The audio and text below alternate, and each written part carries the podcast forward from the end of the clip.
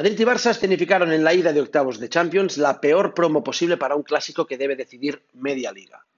Publicitado desde hace décadas como el mejor partido de fútbol que puede ofrecer cualquier competición, el estado de los dos equipos ha dejado hasta ahora muchas dudas en casi todos los partidos de enjundia que han disputado, incluyendo también el que les enfrentó no hace tanto en el Camp Nou. Ya saben, ese partidazo convertido en tostonaco en el que el Madrid parecía mejor hasta que se electrocutaba con la línea del área y el Barça solo parecía el Barça cuando la pillaba el pequeñito.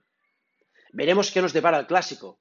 Por cierto, y mucha atención a la previa de Crispetas, que venimos con todo, incluso con una batalla dialéctica, curifismo-nuñismo, sin duda reactivada por la entrada en escena de Setién, esos mil pases en un partido y esa incontrolada pasión por Cruyff que ha levantado empollas en ya saben qué facciones del barcelonismo.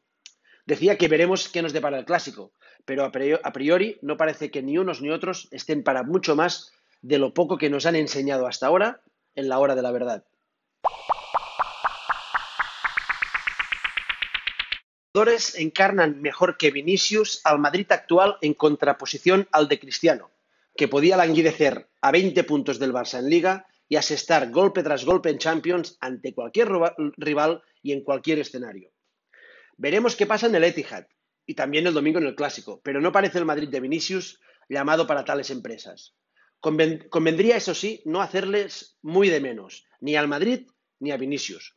Pues no es nada fácil construir un equipo que vivía colgado de los goles y la voracidad competitiva de un hombre que se fue y por el que no trajeron recambio. Ni tampoco es nada fácil ponerte ese escudo y ese estadio por montera y encarar a todo Dios con 19 añitos. Y más cuando vas comprobando por el camino que los veteranos ni están ni se les espera en las grandes noches. Salvando las distancias y los momentos y partiendo de la base de que no se parecen en nada en lo futbolístico, a mí el caso Vinicius en Madrid me recuerda al momento Saviola en Barcelona. Vale que la primera versión del pibito las metía todas, pero no se iba de nadie. Y que Vinicius, en cambio, se va de todos y no mete una. Pero fijaos, ambos fueron vendidos como la gran esperanza en mala época, cuando los cracks diferenciales jugaban para el gran rival. Ambos tienen al lado un gran delantero, Benzema para Vinicius y Kluivert para Saviola, con mucha más clase que instinto y con tendencia a maravillar en días mundanos y a desaparecer en noches de tronío. Y sobre todo, ambos han llegado a un club eh, frustrado por no conseguir al 10 soñado. Vinicius llegó como alternativa a Neymar y Saviola apareció bajo la sombra del mejor Zidane que iluminaba el Bernabéu.